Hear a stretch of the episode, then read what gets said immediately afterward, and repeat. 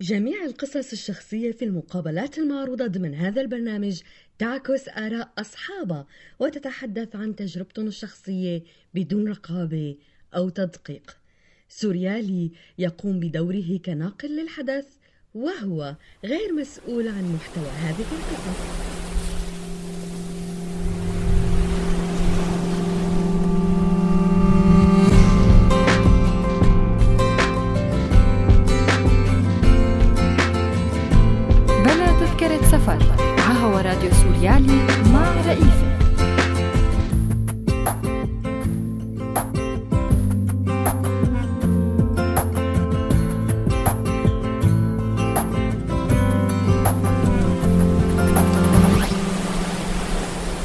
بحلقة اليوم من بلا تذكرة سفر. فينا نقول الصدمة عم تكون من الأوروبيين أو الأشخاص اللي عم يساعدونا لأنه هم ما بتخيل آه، كان عندهم هالصورة الواضحة حتى الآن رغم كل هالشي.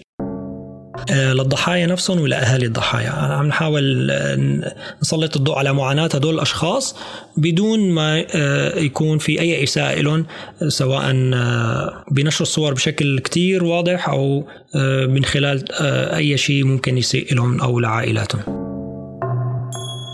بتذكر لما كنا بال بالمعتقل يعني إنه كل لحظة كل ما نسمع صوت آه، ضجيج يعني لما يكون آه، بالزنزانات الكل كان يفكر إنه هي اللحظة اللي رح ينفتح الباب و... ويتم تصفية الجميع بشكل جماعي. فالكل كان يحكوا بهذه القصة. يعني حتى البعض كان إنه ياخذها بباب الدعابة أو شيء ولكن هو كان هاجس عند الجميع في خوف إنه بأي لحظة ممكن ينفتح الباب ويصفوا الجميع يعني. فبقول إنه دائما هم المعتقلين والمعتقلات هم الأكثر خطر عايشين تحت الخطر الأكبر آه، حاليا بسوريا. رفقاتنا السورياليين يلي عم تسمعونا من كل بلاد الدنيا ومن سوريا أونلاين مباشر أو من على تطبيق سوريالي على الموبايل يسعد اوقاتكم بتقرير للتلفزيون السويدي تم ذكر إنه يوجد في السويد الآلاف من طالبي اللجوء عديمي الجنسيه شتاتلوس.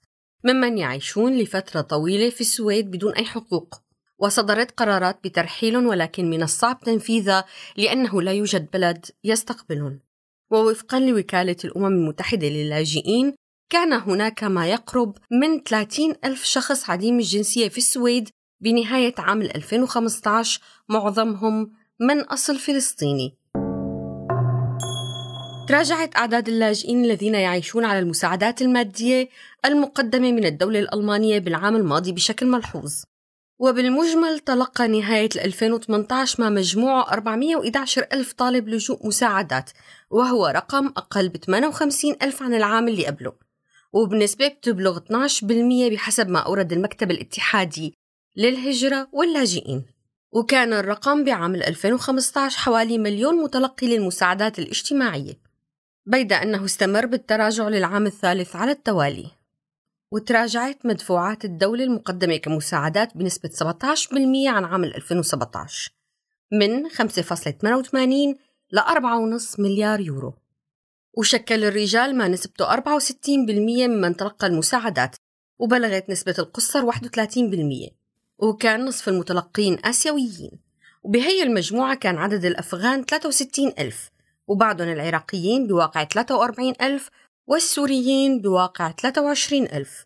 وعدد الأفارقة حوالي 96 ألف متلق للمساعدات والأوروبيون 83 ألف. مع العلم أن اللاجئين المعترف فيهم وفق اتفاقية جنيف الخاصة باللاجئين لا يدخلون ضمن الإحصائية المذكورة. أعلن وزير الداخلية الألماني هورست سيهوفر عن عزم بلاده استقبال حوالي 25% من اللاجئين غير الشرعيين الواصلين عبر البحر المتوسط إلى إيطاليا. وأكدت سيهوفر إلى أن هذا العدد لن يشكل ثقلا على سياسة الهجرة التي تتبعها بلاده. وقالت سيهوفر بأن الوقت الحالي مناسب لترك الإجراءات المؤلمة التي كانت متخذة خلال الأعوام الماضية. والتي كان يوزع على أساس اللاجئون الذين يتم إنقاذهم في كل سفينة على حدة على الدول الأوروبية معتبرا أن سياسة بلاده تجاه الهجرة إنسانية بحتة ولن نترك أحدا يغرق. على حد قوله. على صعيد آخر وبعد أسبوع حافل بالتهديد والوعيد من قبل الرئيس التركي رجب طيب أردوغان تجاه الغرب والاتحاد الأوروبي تحديدا بسبب تقاعسهم إزاء أزمات اللاجئين. ازداد عدد المهاجرين غير الشرعيين الآتيين من تركيا نحو الجزر اليونانية فعليا بشكل ملحوظ ومثير للقلق. صادق مجلس النواب الأمريكي بأغلبية ساحقة على مشروع قانون بيفرض عقوبات جديدة على كل مين بيدعم الحكومة السورية أو النظام السوري اللي بيتهمها بارتكاب جرائم حرب ماليا عينيا وتكنولوجيا. وبيلزم رئيس الولايات المتحدة دونالد ترامب بفرض عقوبات على الدول الحليفة له. كما يتضمن لائحة بأسماء مسؤولين في الأمن السياسي وقادة عسكريين وضباط في الاستخبارات بالإضافة إلى المصرف المركزي السوري. وتعود تسمية هذا القانون باسم قانون قيصر إلى الضابط السوري المنشق يلي سرب حوالي 55 ألف صورة ل 11 ألف معتقل بعام 2014 والذين تم قتلهم تحت التعذيب. وأثارت تلك الصور الرأي العام العالمي وعرضت في مجلس الشيوخ لكنها لم تؤدي بعد إلى الإطاحة بالنظام السوري المتهم بارتكاب كل هذه الجرائم. قصة قيصر رويت في كتاب اسمه عملية قيصر داخل آلة الموت في سوريا. وفي آب عام 2018 أقر الكونغرس قانون تفويض الدفاع الوطني للسنة المالية 2019 واللي ضمن فصل المساءلة عن جرائم الحرب والجرائم ضد الإنسانية والإبادة الجماعية في سوريا. المحامي إبراهيم القاسم يلي بيشتغل بالمركز الأوروبي للحقوق الدستورية وحقوق الإنسان والعضو المؤسس في مجموعة ملفات قيصر. هو ضيفنا بحلقة اليوم وحيخبرنا عن مشروع قانون قيصر وتفاصيل بنسمعها منه لأول مرة. أهلا وسهلا فيك أستاذ إبراهيم. عم تشتغلوا اليوم أنتو على متابعة عرض صور سيزر. تخبرنا أكثر عن التفاصيل. أهلا بكم. المعرض هو استمرار لعمل مجموعة ملفات قيصر بتسليط الضوء على قضية المعتقلين والمعتقلات والمختفين قسريا آه، وكمان هو جزء من آه، أنشطة المجموعة اللي كمان بتكون آه، تعتمد بالأساس على دعم العائلات ودعم الضحايا ضحايا التعذيب وضحايا الاختفاء القسري بسوريا. من خلال تسليط الضوء عليها مثل ما حكيت بالدول الأوروبية. وكمان دعم العائلات أو الضحايا نفسهم بإقامة الدعاوى بأوروبا بالدول اللي عندها الاختصاص القضائي العالمي. هذا المعرض هو سلسلة جزء واحد من سلسلة معارض بلشت السنة الماضية كانت بشتوتغارت بعد هيك بكوبنهاجن. حاليا بشهر أيلول رح يكون في معرضين بمدينتين بالشمال الألماني مدينة روستوك ومدينه جرايسفيلد كل معرض منه رح يستمر لثلاث أيام. رح يتخللون عرض صور لبعض الضحايا بعض صور الضحايا. أمام الأشخاص اللي بيحبوا يعرفوا آه، شو صار بيصير بسوريا. وطبعا أكيد أمام أهالي الضحايا اللي حابين يعرفوا أي معلومة عن ضحاياهم أو أقربائهم اللي موجودين لحد الآن في أماكن مظلمة وما حدا عنده أي معلومة عنهم. بالمعارض اللي سبق وعملتوها كيف كانت ردة فعل الشارع؟ يعني الحضور. يعني كان التجاوب بتخيل كان جيد خصوصا إنه المعرض كان بداية كمان للتعريف على عمل المجموعة اللي طول طوال السنوات الماضية كانت عم تشتغل بطريق آه، فينا نقول مخفي شوي. آه، وما كان في بوابة للتواصل بشكل مباشر مع المجموعة. المعرض كان بداية لهذا الشيء لنساعد الأهالي ليعرفوا مصير أقربائهم مثل ما حكيت. وبنفس الوقت كمان لتسليط الضوء عند الرأي العام الألماني أو الدنماركي حتى أو الأوروبي بشكل عام على المعاناة المعتقلين والمعتقلات أو المختفين قسريا والمختفيات اللي لحد الآن مستمرة وما توقفت وبالعكس الأعداد عم بتزيد كل يوم عن يوم وما عم يكون في أي حل آه، لهي القضية اللي هي بعتبرها أنها هي أهم قضية حاليا آه، بالحالة اللي نحن فيها. واللي هي عم يحاول الجميع يلتف حولها ويتداركها أو يحاول إنه ما يلاقي لها حل إنه لدرجة إنه يحولوها لملف آه، سياسي والتخلي عنها كقضيه اللي هي غير قابل للتفاوض بأي شكل من الأشكال واللي حلها هو دائما بيكون بإطلاق سراح جميع المعتقلين والمعتقلات دون أي شرط دون أي تفاوض مباشرة. وكمان بنفس الوقت بيان مصير الأشخاص اللي تم تصفيتهم أو المختفين قسريا آه، لأنه هذا حق الضحايا بالأساس أو المختفين آه، والمفقودين والمعتقلين. وثاني شيء حق عائلاتهم بمعرفة مصير آه، أقاربهم. وبعد هالشيء أكيد محاسبة الأشخاص المسؤولين عن هاي الجريمة. اليوم أنت عم تجاوبني بشكل قانوني بشكل رسمي يعني.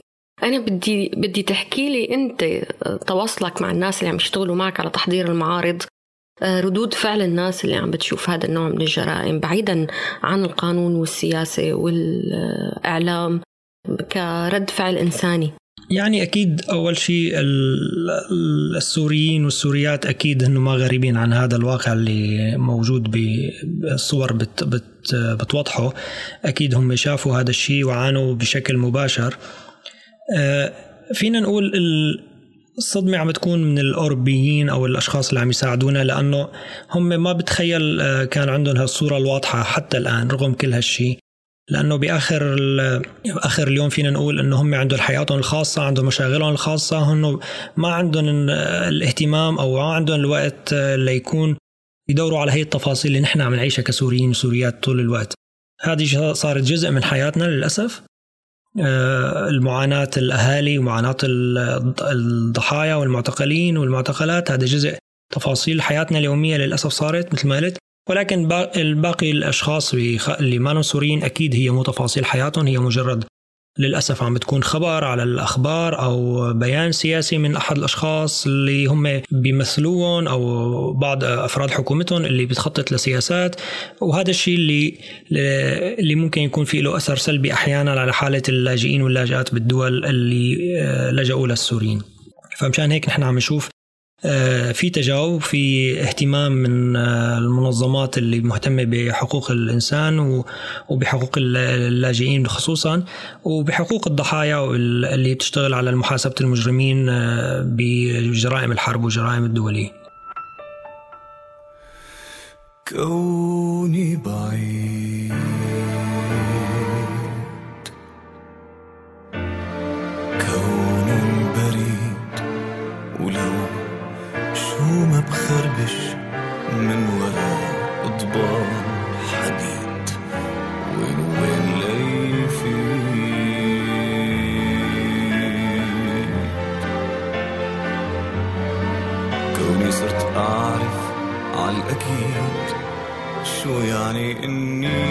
كنت عنيد.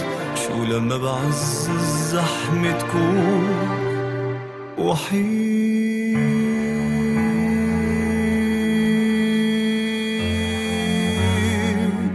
كوني بعيد بعيد وبخاف بالوقت البعد يزيد. كلمة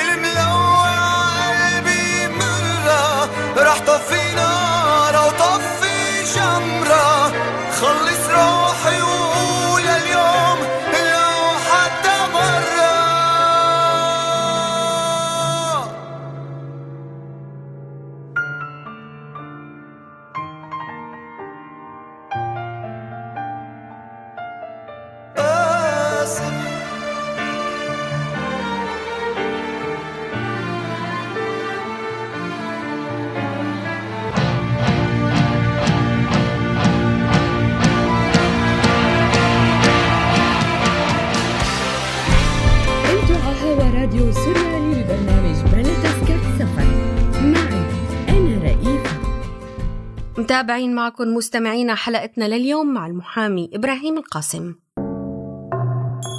اليوم في حرص شديد من طرفكم بأنه ما تنشر الصور والصور اللي شفناها على الإعلام هي أعدادها كتير محدود. فالمستمع حابب يعرف ليه؟ يعني آه، أنا ما رح فوت بتفاصيل الصور اللي انتشرت أول ومين المسؤول عنها بس بدي أقول حاليا إنه هذه الصور هي ملك كل أهالي الضحايا وبالأساس ما حدا بيقدر يقرر آه، شو مصير هاي الصور غير أهالي الضحايا، نحن عم نحاول نوصل الرسالة بدون ما نعمل أي إساءة آه، للضحايا نفسهم ولا أهالي الضحايا، عم نحاول آه، نسلط الضوء على معاناة هدول الأشخاص بدون ما يكون في أي إساءة لهم سواء بنشر الصور بشكل كتير واضح أو من خلال أي شيء ممكن يسيء لهم أو لعائلاتهم. فكمان بالإضافة لهذا الشيء نحن حاليا هذه الصور صارت أدلة قضائية وعم يتم استخدامها فنحن حريصين على أي آه، تصرف ممكن يكون يأثر بشكل أو بآخر على هي مجريات التحقيقات آه، اللي هي عم تتم بشكل سري. كم شخص مسؤول عن الشغل بهذا المشروع؟ سوريين وسوريات حابين فعلا يوصلوا صوت الضحايا وحاولوا يسلطوا الضوء على معاناة المعتقلين والمعتقلات وال بشكل خاص وعلى حالة الوضع الإنساني السيء اللي وصلت له حاليا سوريا. عدد الصور مرعب يعني هائل. يعني عدد الضحايا عدد, عدد يعني لا يستهان فيه. فكم ألف عائلة مكلومة؟ في كتير آلاف من العائلات ما بيعرفوا مصير أولادهم. والصور معكم كيف ممكن إذا حدا حابب يشوف ابنه بين هالصور ولا لا؟ شو بيعمل؟ نحن آه، من خلال التواصل عم بيكون مع العائلات أو مباشرة أو مع منظمات سورية آه، أو حتى مع منظمات دولية عم نحاول نوصل هذه الصور للأهالي آه، بشكل يكون يحفظ حقوقهم. مثل ما حكيت بالبداية هي حقوق للأهالي وللضحايا ما لنا حق فيها نحن. هي موجودة عندنا حاليا بحكم أنه المصدر هو موجود مع أحد الأفراد المجموعة. هذا السبب اللي مخلينا نحن عم نحاول نكون حريصين على عدم استخدامها بطريقة مسيئة للضحايا وعائلاتهم. أي حدا من العائلات الضحايا قادر يتواصل معنا آه، للأسف الشخص الوحيد اللي عم يقدروا يتواصلوا معه هو حاليا آه، أنا. فمشان هيك عم تكون تواصل يمكن شوي محدود أو ضعيف شوي فينا نقول. باقي أفراد المجموعة بسبب ظروف القضية وظروف الملف نفسه وظروف الصور نحن حريصين على سلامتهم كمان. الشخص الوحيد اللي بيقدر يتواصلوا معه هو أنا حاليا. فممكن أي عائلة أو حابين يعرفوا مصير ممكن نحن نساعدهم بشكل يقدروا يعرفوا أي معلومة من المعلومات اللي عندنا أكيد تساعدهم لمعرفة المصير آه، أحبائهم. بظرف ما أكيد أنت اجتمعت بسيزر. ضلت براسك جملة معلقة من اللي حكاهم. هو بالأخير يعني سيزر هو أو زميله سامي هم يعني بالأخير سوريين أكيد. فأي وجع عند السوريين هو وجع عندهم أكيد. بحكم عمله هو بتوثيق هي الصور. فهو بيعتبر حاله كشخص مسؤول عن يوصل صوت الضحايا آه، لكل العالم مو بس لأهالي الضحايا. أكيد هي أمانة ليوصلها لأهالي الضحايا ولكن كمان لتسليط الضوء على معاناة الضحايا وأهاليهم. فهو هذا الصوت موجود عند كل واحد فينا بس هو بحكم إنه كان عم يتعامل بشكل يومي معهم فهو الصوت أكثر مؤثر فيه ممكن يكون. أو لأنه هو كان قريب كتير فحملته مسؤولية. هي الصور إنه يوصل هي الرسالة وهدول اصوات الضحايا اللي ما حدا سمع فيهم لما كانوا عم يتعذبوا أو لما كانوا عم يموتوا. هو عم يحاول يوصل هي الرسالة لكل العالم عن هي المعاناة. خلص الهدف من التوثيق أو الغاية من التوثيق؟ لا طبعا آه، ما بيخلص الهدف لأنه للأسف الجرائم عم تستمر على مدار الساعة على آه، من بداية الثورة لحد الآن ما وقفت نحن عم نحكي على حجم كبير كتير من الانتهاكات حجم مخيف آه، عم نحكي عن مئات الآلاف أو ملايين يمكن الضحايا لأنه أنا بعتبر كل شخص تنزح من بيته هو ضحية بالأخير كمان أو كل شخص لجأ هو ضحية بالمحصلة. وفي عنا عن عشرات الآلاف من مرتكبي الجرائم. في كثير من الجرائم لسه ما حدا سمع فيها للأسف. ما حدا يعني ما حدا كان موجود ليعرف إنه هي جريمة انتهكت تم ارتكابها عفوا. آه فالتوثيق بحد ذاته هو مهم جدا حاليا ورح يستمر لسنين. بحكم إنه لساتها المأساة مستمرة آه، فهو كثير مهم أكيد. ولكن أنا بقول هلأ حاليا التوثيق انتقل من مرحلة التوثيق لغاية الإعلام وتسليط الضوء على المعاناة. صار لازم يكون هلأ التوثيق أكثر بشكل توثيق جنائي لأنه نحن بلشنا بمرحلة المحاسبة فهذا الشيء كتير مهم. فلازم تنتقل التوثيقات بطريقة تكون مو مجرد للإعلام يكون فيها شيء اهتمام أكثر بالحفاظ على سرية المعلومات أكثر وعلى حماية الأدلة آه، وحماية الأشخاص اللي عم يعطوا هي المعلومات أو الأدلة. مرقت فترة كتير كان في تسليط على موضوع العدالة الانتقالية. اليوم بعد كل اللي صار اليوم بنهاية 2019 بلشنا نودعها كيف بتشوف؟ هل ممكن بيوم من الأيام نوصل لهالمرحلة ولا لا؟ يعني بالمحصلة العدالة هي العدالة. ولكن الفرق هو بين العدالة اللي بنكون فينا نقول خليها العدالة بمرحلة اللي ما فيها نزاعات مسلحة والعدالة اللي بتجي آه، بسبب النزاعات المسلحة. العدالة هي دائما مفهومها واحد واضح واضح وواحد محدد. ولكن بمرحلة النزاعات أو بعد مرحلة معينة من حياة الدول هي بتترافق بإجراءات تانية أو آليات تانية بتدعم هي العدالة. بالحالة اللي نحن فيها أنا برأيي العدالة بلشت العدالة الانتقالية بلشت من خلال الدعاوى اللي صارت أو ضد الأشخاص اللي ارتكبوا انتهاكات فهي بلشت فعليا. ولكن باقي الآليات اللي منها إصلاح المؤسسات أو آه، إصلاح الأجهزة الأمنية أو آه، أصلاح مثلا أو حتى لجان المصالحة أو آه، كشف الحقيقة هذه اللي لسه لحد الآن ما كتير فينا نقول بلشت. كل شيء عم بصير هو حاليا. ما نو كتير جدي. ما نو جدي لأنه هي عم تصفي المقررات الأممية هي مجرد قرارات ما عم يكون في آليات لدعمها للتنفيذ.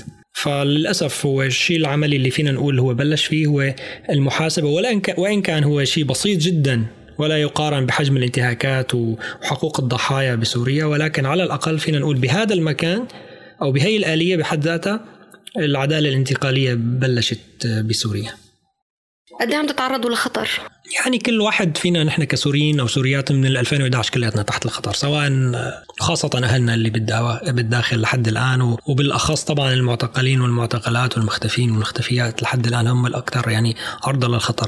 بالحروب أو بعد شو ما الكل بيكون بخطر أكيد أنا بسميها ثورة ولكن الثورة صار في بعد منها نزاع مسلح إذا بدي ضلني على المصطلح القانوني فالكل عرضة للخطر آه، الخطر ممكن يزيد النسبة حسب أنت قديش بتكوني قريبة فينا نقول لأماكن الخطر أكثر من الآخرين يعني للبؤرة. للبؤرة أكثر للخطر. يعني أكثر الناس اللي هم في خطر طبعا وأكثر من أي شيء أكثر من أي حدا تاني هم الناس اللي بالداخل والأخص المعتقلين والمعتقلات والمختفين اللي هدول ممكن بأي لحظة للأسف ممكن نفقدهم أو يعني ما يكون في أي نتيجة لنضالات أهلهم بمعرفة مصيرهم بتذكر لما كنا بال بالمعتقل يعني إنه كل لحظة كل ما نسمع صوت ضجيج يعني لما يكون بالزنزانات الكل كان يفكر إنه هي اللحظة اللي رح ينفتح الباب و... ويتم تصفية الجميع بشكل جماعي. فالكل كان يحكوا بهذه القصة. يعني حتى البعض كان إنه ياخذها بباب الدعابة أو شيء ولكن هو كان هاجس عند الجميع في خوف إنه بأي لحظة ممكن ينفتح الباب ويصفوا الجميع. يعني فبقول إنه دائما هم المعتقلين والمعتقلات هم الاكثر خطر عايشين تحت الخطر الأكبر آه، حاليا بسوريا. طبعا أهلنا اللي بالداخل اللي عم تعرضوا للقصف. الفرق بين اللي تحت القصف واللي بالمعتقل إنه اللي تحت القصف بجوز يكون محظوظ اليوم آه، يهرب. بس اللي داخل الزنازين والمعتقلات أكيد ما عنده أي فرصة لحتى يطلع خارج هي الزنازين. هذا الفرق اللي بيننا وبينهم يعني. إمتى فينا نحول آه، وضع المعتقلين بالسجون من انتظار فتح الباب والتصفية لانتظار فتح الباب والحرية. لما يكون في جدية من المجتمع الدولي فعلا يلاقي حل لهي القضية الأهم أنا برأيي حاليا. لما يكون في جدية أكيد رح يكون بسهولة جدا. ما ما بدها هي التفاوضات والاجتماعات والسياسيين والطاولات وال الانتقال من جنيف لأسيتانا أو أي شيء ثاني لما يكون في جدية فعلا عند المجتمع الدولي أكيد راح يكون في حل سريع جدا كمان أكيد بحكم اطلاعك على هالعدد الهائل من الصور آه وآثار التعذيب اللي عليهم آه هل في آثار سرقة أعضاء من المعتقلين قبل قتلهم؟ آه الصور إحنا سلمناها لقضاء مختص وعم يتم تحليلهم آه، ويكم بشكل آه، خبراء فهم القادرين على تحليل هذا الموضوع أو أعطاء النتائج الأكيدة. يعني خلينا نكون شوي دقيقين وعمليين بهذا الموضوع. قدام الجهد اللي عم تعملوه كلياتنا بننحني وبنشد على إيدكم وبنتمنى إنه آه، قريبا جدا ما يضل ولا معتقل بالسجون وصوتكم يوصل وتقدر هالمعارض هي آه، مو بس تعمل صدمة عند اللي بيحضروها تقدر فعلا تغير بتاريخ سوريا بالوضع اللي عم بيصير اليوم. تقدر تكون فعلا هي نقطة الفصل اليوترن. لما الدنيا كلها بدها تلف وترجع للناس حقوقها وهالمعتقلين اللي بالسجون يطلعوا وهالناس اللي انقتلت آه، تاخذ حقها من اللي قتلها. آه هذا الشيء لازم نشتغل عليه لأنه القصة ما بدها أمل بدها عمل أكيد. وما بدنا نضل نفكر بس بقصة إنه نعلق آمالنا على حدا لازم نشتغل على شيء نحن على حالنا يعني كلنا كسوريين وسوريات أكيد فينا نشتغل على هذا الشيء ونركز عليه لأنه فعلا هي المعاناة.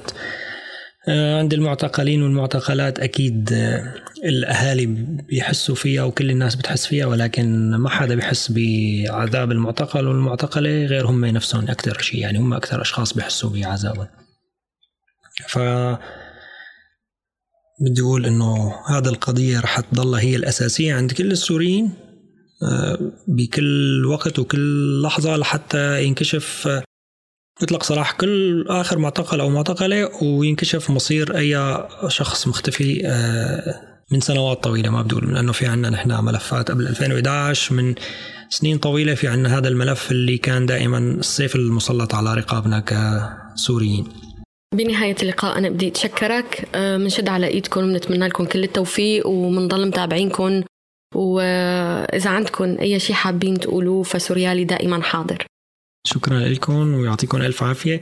أتمنى منكم بس دائما هذا هي القضية دي قضية المعتقلين والمعتقلات والمختفيين والمختفيات إنه تكون محور كتير مهم عندكم ويضل مسلط الضوء عليه لأنه فعلا هذا الوجع الأكبر حاليا عند الجميع. أنتوا على هوا راديو سوريالي